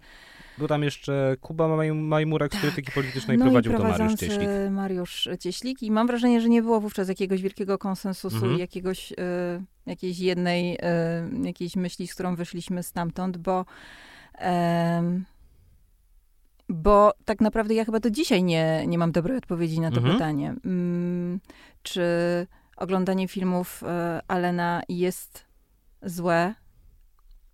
Czy Jeśli są to złe nie. filmy, to tak. Właśnie. Czy y, dobre. Ja się po prostu strasznie boję jakiejś e, cenzury, którą i tak już widzę Mhm. e, ogromnie wokół siebie. e, I w sobie również e, łapię się na, na cenzurowaniu siebie samej. Wydaje mi się, że to jest niestety nie do uniknięcia w e, sytuacji, w jakiej żyjemy. Wiesz, kiedyś rozmawiałam z mm, twoim gościem, e, Maćkiem Marciszem. Który będzie w trzecim odcinku tego podcastu. Zdradzę Państwu. E, Rozmawialiśmy o latach 2000 i o środowisku e, lampy, w której Mhm. ja pracowałam. Mm, Były to czasy naprawdę przedfacebookowe, czasy przedinstagramowe i tak naprawdę mm, jakimś takim największym em, burzycielem porządku był blog Kumple, na którym e, no, trochę sobie wszyscy nawzajem Mhm. dokuczaliśmy w środowisku literackim. I Maciek powiedział wtedy coś, co mnie mm, jakoś tak poruszyło, że wtedy byliśmy dosyć wolnymi ludźmi. To znaczy, Mhm. mogliśmy sobie pisać co chcieliśmy. Z jednego względu, e, bowiem nie wszystko wówczas e, było tak strasznie urynkowione i nie Mhm. każdy z nas myślał o budowaniu ciągle swojej persony. Nie każdy myślał o tym, jak e, konkretna wypowiedź odbije się na jego zasięgach, na lajkach i w zupełnie inny sposób Jak myśleliśmy. to wpłynie na jego wizerunek Tak, w ogóle chyba nie myśleliśmy wówczas za bardzo o swoim wizerunku, przyrzekam. To Mhm. były takie szczęśliwe czasy. Z drugiej zaś strony, no, mm, każda nasza wypowiedź publiczna nie była e, od razu oceniana, ale też nie trafiała do jakiegoś wielkiego archiwum O, właśnie, publicznych. właśnie. My żyjemy w nieustającej teraźniejszości. Mhm. Nie ma przeszłości. I też każdy z nas w mediach społecznościowych zmienia się w ubeka, wiesz, który chce drugiego człowieka przyłapać na czymś. Tak. Ale jeśli, jeśli jeszcze chodzi o tę wolność, to nie mogę się powstrzymać i przywołam słowa napisane jesienią 2015 roku.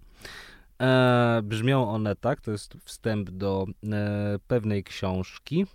E, króciutki. Chciałbym, aby czytelnik nie zapominał, że książka ta została napisana ponad 30 lat temu. Kiedy czytamy ją dzisiaj, wydaje się nam, że żyliśmy wówczas na innej planecie. Już nie pamiętamy, do jakiego stopnia nasze społeczeństwo było wolne i tolerancyjne. Kto to napisał? O Boże. Ratunku, nie wiem. Napisał to Roman Polański A. w, wstęp, w wstępie do nowego wydania swojej autobiografii. Okej, no tak. Wiesz, no nie znajdę ci tutaj dobrych odpowiedzi na te Mhm. wszystkie pytania, bo, bo- sama się ciągle nad tym zastanawiam i za każdym razem podejmuję w sobie te dyskusje na nowo i za każdym razem chciałabym jednak móc sama sobie Mhm. na to odpowiadać i nie być e, e, pod taką być tylko pod swoją własną presją, nie, nie, nie być ciągle pod presją zewnętrzną, ale to jest niestety chyba, chyba niemożliwe. E, no wiesz, no, ten problem zwany cancel culture jest y, super wymierny, super realny, bo on zawiesza stare zasady, które chyba nie były takie złe. E, myślę O! o, takiej zasadzie Aha. jak prawo do sprawiedliwego procesu, prawo do prawo do obrony. niekonsekwencji właśnie. E, ale także prawo do błędu, Mhm. z którego możemy wyciągnąć jakieś wnioski. Pamiętam, że pisałam taki felieton w Tygodniku Powszechnym, gdy tam jeszcze pracowałam, o cancel culture i zakończyłam go cytatem z młodych ludzi, którzy mówili, e, w jakiej, wypowiadali się do jakiegoś tekstu o cancel culture e, dla chyba New York Timesa. Mm, I ta wypowiedź brzmiała jakoś tak w tym guście, że mm, znaczy bardzo trudno się dzisiaj żyje, ponieważ żyjemy publicznie, Mhm. wszystko jest jakby na, na, na widoku, a jednocześnie nie ma się dzisiaj prawa do popełnienia błędów, Tak. do, do dorastania też, tak? I przez dorastanie myślę również o tych wszystkich procesach, w których ja teraz jestem. Ja Mhm. okej, mam 40 lat, ale chciałabym móc e, wyciągać wnioski także z, z, z własnych potknięć. Wydaje się, że do tego dzisiaj już po prostu nie mamy, nie, nie mamy prawa i em, no to jest szalenie e, trudne. Dlatego mówię o tym, że takie mm, wartości jak prawo do e, domniemania niewinności, do sprawiedliwego procesu, prawo do obrony, no nie są, nie są najgorszym wymysłem białych, heteroseksualnych mężczyzn. A kiedy to wszystko się zaczęło? Bo mm, możemy powiedzieć, że właśnie w 2017 przy okazji Me MeToo, Too. e, jak się nad tym zastanawiałem, to przyszło mi do głowy, że być może jeszcze wcześniej, to znaczy w 2008, idzie mi o kryzys finansowy, kiedy nagle zmieniło się postrzeganie światowych elit. Ponieważ wcześniej te elity, rozumiane przede wszystkim przez zgromadzone zasoby finansowe, e, były postrzegane, no w sumie jako nieomylne. No skoro są to ci panowie i panie w tych wielkich szklanych wieżowcach, którzy każdego dnia decydują swoimi posunięciami giełdowymi o losach maluczkich, no to nie, nie mogą się mylić, skoro aż tam trafili. Nagle okazało się, że się pomylili. I pomylili się w stopniu radykalnym. No wiesz, być może twoja intuicja jest, y, jest słuszna i to jakby mi tu było już tylko taką Mhm. późną konsekwencją Tak, e, tych wszystkich... e, nomen omen. e, Nomen, omen. E, tych wszystkich jakichś przeczuć i intuicji, które, które jako społeczeństwa zaczęliśmy mieć w 2008 roku, bo rzeczywiście no, był to spektakularny fuck up, którego skutki odczuwamy wciąż. Mhm. Em, wiesz, ja tylko chciałabym jasno podkreślić, że e, wydarzyło się też mm, w związku z mitu i w związku z tą zmianą jakąś paradygmatu wiele bardzo dobrych rzeczy. No tak? właśnie, po, ja pobawmy jestem się też beneficjentką. No. e, beneficjentką tych, e, tych e, rzeczy jako kobieta, więc tym większa jest ambiwalencja, Mhm. gdy o tym wszystkim rozmawiamy, ale mm, no, no, no oczywiście y, tutaj po prostu dziecko bywa wylewane razem z kąpielą i mm, jest taki świetny esej Ann Applebaum w The Atlantic, E, chodzi E, o chodzi nowych mi o nowych purytan. purytan, Mhm. tak. Bardzo Państwu polecam ten tekst. E, Można ileś tekstów w tym znakomitym e, magazynie przeczytać za darmożkę. Mhm. Nie trzeba się logować, bo to bardzo drogo kosztuje, ale jeśli jest- macie wybrać Mhm. jeden, to wybierzcie ten. Ale w Świetny- dodatku jeszcze e, można in addition do tego na, przeczytać tekst, który Applebaum napisała kilka miesięcy wcześniej z Peterem Pomerancewem, e, czyli Why Internet is Hell. To się chyba tak nazywa. Naprawdę są to y, dogłębne, y, poprzedzone y, naprawdę czymś znacznie więcej niż internetowy research, y, eseje, teksty, które być może no nie, nie wiem, czy pozwolą Państwu y, zrozumieć więcej, na pewno namnożą wątpliwości, ale to chyba też, chyba też trochę o to chodzi w dzisiejszych czasach, żeby w ogóle pozwolić sobie na wątpliwość. Pozwolić sobie na stanięcie jakby okoniem, Mhm. e, na wprost e, po prostu internetowego jakiegoś tłumu, który wydaje wyroki na podstawie przede wszystkim swoich emocji, Mhm. tak? a, nie, a nie mm, faktów. I zastanowić się, no, czy, czy, czy ta wątpliwość mm, jest słuszną. I e, ten, ten jej tekst jest niezmiernie poruszający, bo ona mówi właśnie o, um, o tym, że wszystko ma swoją cenę, tak? Mhm. Że dobrodziejstwa, które płyną dla nas z tej zmiany paradygmatów, której właśnie, w tej, Mhm. tej transformacji, w której właśnie jesteśmy, dobrodziejstwa mają też swoją e, cenę. I oczywiście można sobie pomyśleć, że utrata pracy, utrata twarzy przez te osoby, które są na świecznikach gdzieś tam Mhm. na unimer- e, uni- uniwersytetach amerykańskich, nic nas nie obchodzi, naprawdę nic nas nie obchodzi, póki nas nie dotknie. Je- Jeśli chodzi o uniwersytety amerykańskie, to ja pamiętam, jak pierwszy raz poczułem, że to rzeczywiście może być groźne. To było w 2018 roku. Spędzałem wtedy mm, tam z rozmaitych zawodowych względów e, lato w Nowym Jorku. I przyjechał do mnie mój kolega z Warszawy, który z kolei był na Summer School w Itace na Uniwersytecie Cornella. Tak przyjechał na, jed, na jedną noc, bo miał po prostu samolot trochę później niż myślał. I on powiedział, że strasznie się cieszy, że mnie widzi, bo spędził ostatnie dwa tygodnie w otoczeniu ludzi z UK i z Ameryki, że było to Summer School poświęcona niemieckiej filozofii modernistycznej i przed lekturą każdego tekstu oni się zastanawiali, czy ten, jaką mniejszość ten tekst uraża. I wiesz, to brzmi jak z mokrego snu polskiej prawicy o tym, Właśnie. co się dzieje na amerykańskich kampusach, tylko że to się naprawdę wydarzyło. Widzisz, bo to jest jeszcze dobrze, że- dobrze, że ten przykład nam tutaj zaserwowałeś, bo mm, jeśli mówimy o cenie, jaką przychodzi Mhm. za to płacić, no to ceną jest też e, coraz większe panoszenie się z kolei skrajnej prawicy, która, Mhm. e, która tego typu przykłady będzie wykorzystywała i tą e, a, jakąś taką plakietką, cancel, czy tą flagą cancel Mhm. culture wymia, wymiatała nam, e, wiesz, przed oczami za każdym razem, kiedy jakby w ogóle podejmiemy jakieś, e, mm, jakieś refleksje dotyczące tego, czy no kurczę, może nie należy wykluczać ludzi ze względu na, nie wiem, ich orientację seksualną czy e, kolor skóry, to zawsze będzie Mhm. mm, w ten sposób mogło być e, rozgrywane, doprowadzane do skrajnej śmieszności, tak? Jakby mm, no, w- ten sposób Mhm. zazwyczaj się, zazwyczaj sobie z tym e, prawica radzi, więc no, to jest tak, to nawet nie jest obusieczne, Mhm. to jest tak wielosieczne e, i tak skomplikowane i e, tak wiele sprzecznych e, mm, komunikatów, tak wiele sprzecznych racji tutaj jest wokół tego e, problemu, że no chętnie poczytam jeszcze więcej prac naukowych i esejów na ten temat, żeby skomplikować sobie obraz. A słuchaj, bo powiedziałeś o emocjach, które odgrywają w tym e, Tak. duże znaczenie. I dla mnie, no jako dla prawnika z wykształcenia i O. też z pracy akademickiej. A... Nie wiedziałam, że jesteś prawnikiem. jestem. Podobno prawnicy lubią podkreślać, że są z wykształcenia prawnikami. Nie, to studenci lubią podkreślać, że studiują prawo. Ale to, Okej. to, to wiesz, ale to, to jest przypadłość wielu e, polskich pisarzy. Ty skończyłaś polonistykę. A bynajmniej A co, co skończyłaś? nauki polityczne. Bardzo dobrze. Rzadko ju- to ju- Już cię podkreślam. chciałem zaszachować tym e, ładnym stwierdzeniem Czesława Miłosza, że przez dwa tygodnie studiował w Wilnie polonistykę, ale przeniósł się na prawo, bo to były studia dla, studia dla pensjonarek.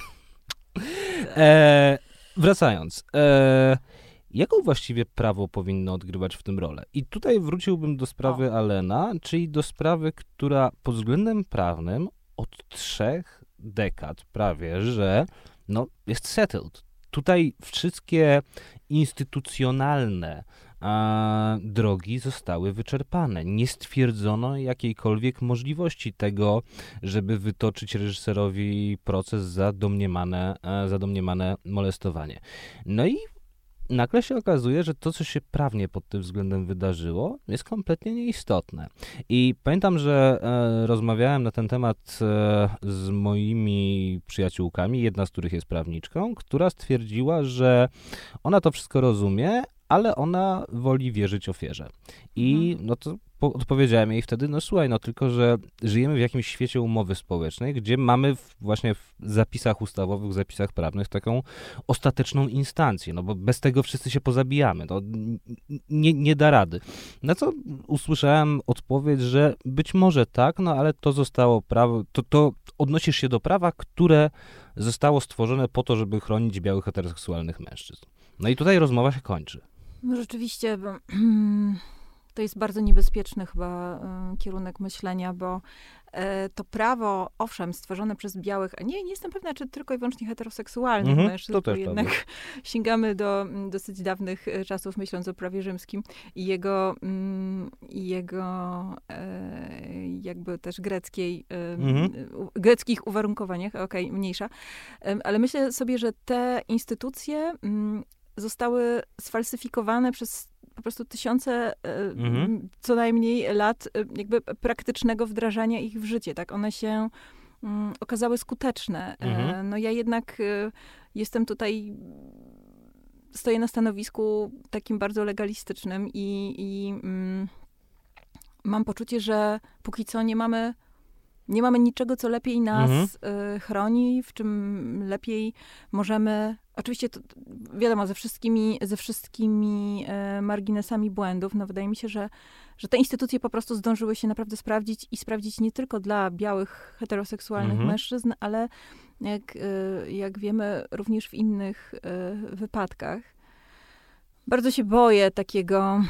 mm, zaburzenia. Ma, mam też takie poczucie, że to, że my w ogóle dzisiaj rozmawiamy już o tym, że, że zastanawiamy się i że coraz więcej takich głosów y, gdzieś tam w przestrzeni publicznej, takich głosów nawiązujących do posiadania wątpliwości, Mhm. że one się pojawiają, że to już jest jakaś jaskółka y, zmiany, być może, mm, bo no nie możemy tak znaczy, oczywiście możemy, no, różne rewolucje miewały miejsce w przeszłości, możemy oczywiście wszystko Mhm. zniszczyć, możemy wszystko doprowadzić do, e, do jakiegoś zakwestionowania, ale no to jest wówczas taka sytuacja, wiesz, hopsowska rzeczywistość, Mhm. dziękuję bardzo, do widzenia, nara.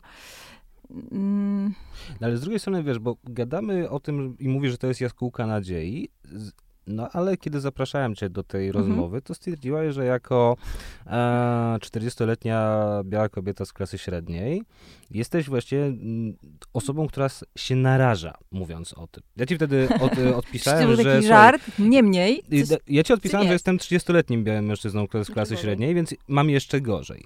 Ale mm, kiedy mm, szukałem drugiego gościa do tego odcinka, to żeby nie lecieć po nazwiskach, zaprosiłem pewną znaną polską filozofkę i publicystkę, pracującą i w Warszawie, i w e, Anglii. Na co znana polska filozofka i publicystka powiedziała, że bardzo dziękuję za zaproszenie, ale już parę razy o tym mówiła, wypowiadała się i to, jakie szambo się na nią wylało, stwierdziła, że nie jest, e, że po prostu, że mogłaby powiedzieć, ale naprawdę chce sobie oszczędzić tego tygodnia czy dwóch, które nastąpią Mhm. potem. No, nie wiem, na co mnie tutaj skazujesz e, e, tym, wizytą w tym e, podcaście. No ja też wypowiadałam się kilkakrotnie na ten Mhm. temat. Akurat nie, albo jestem tego nieświadoma, albo po prostu może nie spotkały mnie jakieś jeszcze przykrości. Zresztą, no wiesz, ja nie wiem, czy ja Rok mówię coś... 2022 to będzie twój rok. No, świetnie. E, wiesz, ja też nie mówię tutaj żadnych chyba, chociaż naprawdę nie wiem, em, nie mm, zaskakujących rzeczy. W bardzo podobnym e, tonie wypowiada się trochę osób w Mhm. Polsce. Nie wiem, cała, no może nie cała, duża część e, e, na przykład ostatniej książki Tomka Stawiszyńskiego jest Mhm. poświęcona właśnie takiemu mm, apelowaniu o wątpliwość. No, Tak. tylko, tylko i o to właściwie nam chyba wszystkim e, chodzi, tak? Jakby podkreślając ciągle, że cieszymy się z możliwości jakby kwestionowania pewnych utartych, okropnych porządków, które wymagały Mhm. zaorania. No jednak nie wylewajmy dziecka z kąpielą, bo to jest po prostu niebezpieczne. No, wszelki bolszewicki zapał, e, czy nie wiem, e, Mhm. wsz- wszelkie jakieś takie radykalne bardzo e, ruchy, no zawsze budzą moją, moją Mhm. jakąś wątpliwość. No tak mam, no trudno, A zabijcie do czego z historii ty byś to porównała? Bo już przyszli bolszewicy. Nie no, wiadomo. Niek- niektórzy jeszcze twierdzą, że makartyzm w latach 50. w Stanach Zjednoczonych. Inni, że wiesz, walki o czystość ideową w czasach stalinizmu polskiego. I to w sumie, jak czytałem w zeszłym roku biografię Baumana, e, autorstwa Artura Domosłowskiego, to właśnie w tych e, rozdziałach, które są o początku lat 50., jak to wyglądało wtedy na, wtedy na Uniwersytecie Warszawskim, kiedy ci wszyscy Mhm. młodzi, tak zwani wściekli, Mhm. starali się no, skancelować swoich starszych profesorów w stylu, nie wiem, Kotarbińskiego, Tatarkiewicza i tak dalej, i tak dalej, no to miałem poczucie, że ja czytam właściwie o naszych czasach i nie byłem w tym poczuciu osamotniony. E, W podobnym e, tonie wypowiada się Applebaum, podając taką, e, taką refleksję, że czasami te przypadki kancelowania wynikają jakby też z jakichś osobistych rozgrywek między, między ludźmi na tych amerykańskich uniwersytetach i no, podaje tam jakieś e, przykłady na to. Mm. Wiesz, no, oczywiście możemy e, uciekać się do argumentów ad Stalinum, Mhm. e, czy argumentów, m, jakich tam, jakich tam chcesz. No, to z- zresztą te głosy są chyba naj, naj, najczęstsze. Pewnie i tak i nie, no. Mhm. E, nic się nie powtarza dwa razy w tym samym, w tym samym wydaniu dokładnie takie samo. E, no to jest po prostu nowa, e, Mhm. nowa rzecz, nowa historia. Ró- Jakoś, jakoś, no o tak. A jak ty podchodzisz do tych, którzy kancelują albo naw- nawołują do tego? Bo wiesz, można by, e, nie wiem, Ronana porówna- porównać No nie, nie, nie, ale do, poczekaj. no, Ronan Farrow, e, nim napisał swój tekst No właśnie, e, o- mit, o, o dotyczący tym, chciałem, mitu, o tym chciałem po- No wiesz, powiedzieć. Znaczy, on generalnie wykonał ogromną pracę i tam... Ale nie, nie, mnie no, no. chodzi o jego zachowanie A. w kontekście Alena. A, bo okej, wiesz, okej, bo okej. e, Ronan Farrow z jednej strony jak nawołuje do kancelowania Alena, no to włącza mi się, nie wiem, w głowie obraz fotografii Żdanowa, ale z drugiej strony to jest człowiek, który bardzo pozytywnie zmienił bieg historii Tak. i, mm, i jego tekst e, w New Yorkerze i opublikowana potem też po polsku książka e, Złapił kręć łeb, zdaje się, taki jest tytuł, no to to są wyżyny dziennikarskiej roboty. No więc jak w ocenie Mhm. tego kancelującego to ze sobą połączyć? Masz na myśli to, że... e, Że z jednej strony robi coś, co wydaje, przynajmniej Tak. ja mam takie wrażenie, robi coś, co wydaje się nieprzyzwoite i bardzo złe. Że zmienia świat na o wiele gorsze, z drugiej strony wiem, że zmienił świat na o wiele lepsze i że jest człowiekiem godnym wszelkiego podziwu i wszelkich mm, dziennikarskich i nie tylko A honorów. dlaczego nazywasz jego działanie nieprzyzwoitym? Wiesz co, ponieważ kiedy widzę umotywowane, jak podejrzewam, tak to przynajmniej opisuje Ellen w swojej autobiografii, a wybrałem, że będę Mhm. wierzył Allenowi, umotywowane prywatnie, a próby właśnie no, wykluczenia jego, jego, jego, jego, jego ojca ze sfery publicznej, całkiem udane próby. Tak. Kwestia autobiografii, kwestia też zerwania kontraktu przez Amazon Studios i tak dalej, i tak dalej. Mm, No to nie wydaje mi się to zbyt szlachetne, może tak. Mhm, rozumiem. A ty nie boisz się, nie boisz się... mm, Zostania skancelowanym? Tak, Nie. bo tak myślę sobie o tym, co przed chwilą powiedziałeś, e, wiesz, o Ja ci mogę i powiedzieć, tak dlaczego no, się no, nie boję. Dlaczego nie boisz się? Dlatego, że e, był w grudniu, właśnie na przełomie grudnia i stycznia mm, kazus pewnej polskiej youtuberki a, ze środowisk lewicowych, która podjęła współpracę z dużą nie wiem jak nazwać, sieć sprzedająca ciuchy, no Mhm, zwał jak mhm, zwał. No. A, Okej, która mm, właśnie z racji tego, że podjęła tę współpracę, została skancelowana przez własne środowisko, zamknęła wszystkie swoje kanały działalności internetowej i tak dalej, i tak dalej. I e, ja długo myślałem nad tym problemem i zrozumiałem, dlaczego ja nigdy nie zostanę skancelowany. Mhm. Z bardzo prostego powodu, a żeby. Bo kancelowanie to jest wyraz braku sympatii. To jest, wiesz, coś takiego, to jest stwierdzenie nie lubimy cię.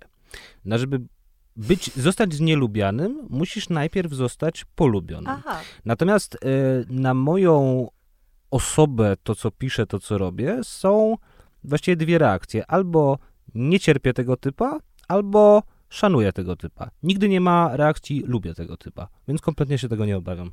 Bardzo ciekawe. E, bardzo zabawne w pewnym e, sensie. No słuchaj, życzę ci wszystkiego najlepszego. Znaczy, wiesz, nie, żeby, nie, żeby nie było prób. I to Okej. do dzisiaj pamiętam, o Jezu, mi się zdarzyło 3 lata temu i e, to było coś takiego, byłem wtedy w stanie wolnym i korzystałem z pewnej aplikacji randkowej. Okej. I do dzisiaj pamiętam taki strasznie, wiesz, dzień zajęty. Jechałem szybko taksówką do jakiegoś urzędu, musiałem jakieś papiery wypełnić, a następnego dnia wyjeżdżałem. Więc jadę taksówką, piszę maila w tej taksówce i dostaję powiadomienie, że masz nową parę w aplikacji randkowej. To myślę sobie, dobrze, zaraz to sprawdzę, tylko, e, tylko jednak skończę tego maila i obowiązki first. No ale potem widzę, że ta para do mnie napisała. No to okej, jeszcze w samochodzie sprawdzam, co napisała. I dostaję stek wyzwisk pod swoim adresem i informację, że ta osoba, którą dało się dosyć łatwo zidentyfikować po imieniu i wiesz, zdjęciach, które się jakoś mijają też na Facebooku, że ta osoba mnie absolutnie nie cierpi i życzy mi, żeby no, niezbyt przyjemna choroba mnie złapała i żebym generalnie e, czym prędzej odszedł z tego świata.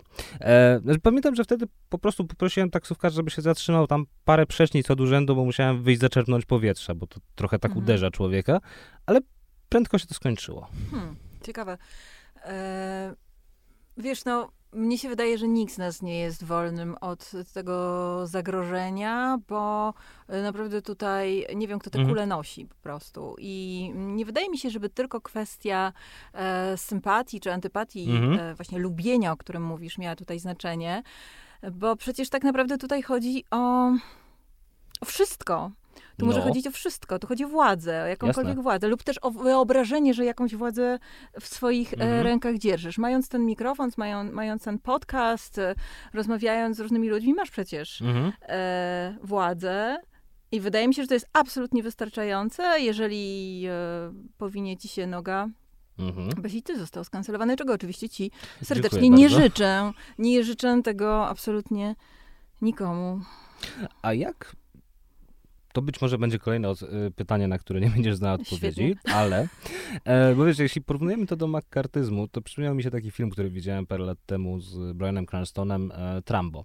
O Daltonie Trambo, scenarzyście e, hollywoodzkim, który właśnie za kampanii mm, senatora McCarthy'ego został pozbawiony w ogóle możliwości do wykonywania zawodu, a zanim został pozbawiony, to był najlepiej opłacanym scenarzystą Mm. Hollywood. Mm. E, No i pozbawiono go tej możliwości. On sobie całkiem nieźle e, wtedy żył, no bo napisał na przykład pod pseudonimem scenariusz do filmu Rzymskie Wakacje. Hmm. E, oczywiście nie mógł zostać wymieniony w credits, bo panowała na temat, no ale, a, ale dostał za to Oscara i tak dalej, i tak dalej. Aż w końcu przyszedł pewien człowiek e, do niego ze scenariuszem na podstawie bardzo wtedy bestsellerowej powieści i powiedział, ten scenariusz jest bardzo zły, ale tu jest dobra historia, chcę, żebyś go poprawił i chcę, żebyś został wymieniony w tych napisach. E, film, który potem powstał, nazywał się Spartacus, a człowiekiem, który przyszedł, był Kirk Douglas. No więc, czy musi się znaleźć ktoś, kto aktualnie jest właśnie lubiany, jest na świeczniku i cieszy się i szacunkiem, i sympatią, kto musi wyciągnąć dłoń? No myślę, że tak. Aha. Że to chyba jest w ogóle jed... póki co, póki co. Mhm. Dopóki nie mamy jakichś, nie wiem, i nie wiem, czy będziemy mieli jakichś instytucjonalnych Mhm. możliwości odwołania się i odzyskania życia. E, Wydaje mi się, że tak, a to nie jest takie proste, bo jak wiemy, e, samo polajkowanie Mhm. wpisu osoby obłożonej anatemą już właściwie w, w- jakoś włącza cię w obszar osób podejrzanych, Mhm. osób, które sprzyjają na przykład przemocowym e, jakimś zachowaniom, to już jakby mm, wszystkie te jakieś listy otwarte, publikowane Mhm. w obronie, nie wiem, Margaret Atwood e, Tak. i, i odwrotnie, e, one już gdzieś wkładają cię na listę pod tytułem na tych, y, na tych ludzi uważajmy, mhm. tak? Więc no wymaga to jakiejś, kurczę, przedziwnej odwagi, mm -hmm. by, by się za kimś ująć. E, I znowu wrócę do tego esseju Applebaum, która to chyba, to chyba tam jest. Ona tam ust, ustami jednego ze swoich bohaterów mówi o trzech kategoriach ludzi, którzy mm -hmm. pozostają wokół ciebie e, po takim wydarzeniu. Jedni to są ci, którzy się natychmiast od ciebie odżegnują mm -hmm. i po mhm. prostu, wiesz, wyżygują się na ciebie. Drudzy to są ci, którzy no jednak właśnie może próbują przynajmniej powiedzieć, ale poczekajcie.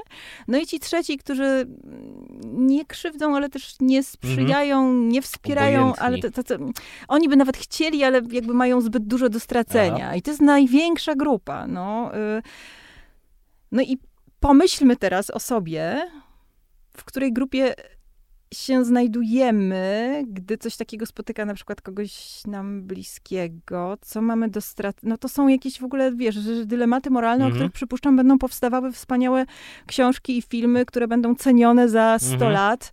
E... Albo wcześniej, bo teraz wszystko wcześniej. idzie, idzie prędzej. Słuchaj, bo zaczęliśmy od tego White Negro i od Lolity, a jak ty widzisz odpowiedzialność swoją jako wydawczyni? Bo właściwie mhm. to jesteś e, z racji wykonywanego zawodu takim trochę ostatnim gatekeeperem. Tak. Bo z jednej strony, wiesz, e, ktoś zostanie skancelowany i okej, okay, opublikuje swój esej, artykuł, powieść, whatever, mhm. w ogólnie dostępnych serwisach, będzie sobie można ściągnąć, przeczytać i tak dalej okej, okay, może nawet własnym sumptem wyda papierową publikację i ją wpuści do księgarni. No ale jest jasne, że ona nie będzie się cieszyła takim prestiżem, jak wtedy, kiedy jest wydana przez Random House, wydrukowana mm -hmm. w New York Timesie, mm -hmm. a, czy właśnie przez jakiś duży dom wydawniczy tak. i tak dalej, i tak dalej, i tak dalej. No to właściwie na was, jako na wydawcach, to ciąży taka w tym momencie jesteście jednym z głównych ogniw kształtujących a, sferę publiczną jeszcze mocniej niż kiedyś przy założeniu, że ktoś w Polsce czyta książki, mm. ale oczywiście my trafiamy do tych, którzy, mhm, którzy to jednak robią.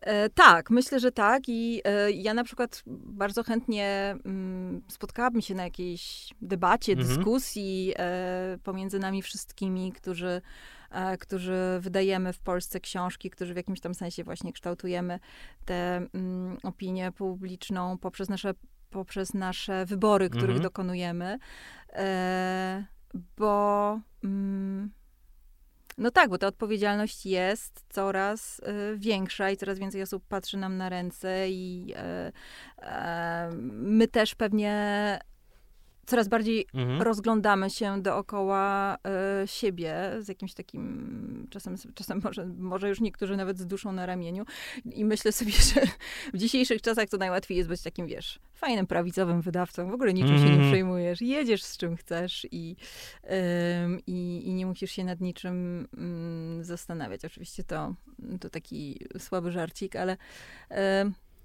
Wiesz, mnie, ja, ja, w ogóle bardzo bym marzyła o większej ilości jakichś dyskusji, mhm. e, o większej ilości jakichś po prostu e, debat, e, o, o, w ogóle jakimś porozumieniu, e, mhm. o, o, próbie rozmowy. No, to na razie wszystko się nie dzieje. no szkoda. No to mam nadzieję, że to była taka rozmowa, której sobie też życzyłaś. Dziękuję bardzo. Dzięki. Anna Dziewit-Meller, pisarka i wydawczyni, była moją gościnią. Słuchali Państwo podcastu Czas Odzyskany.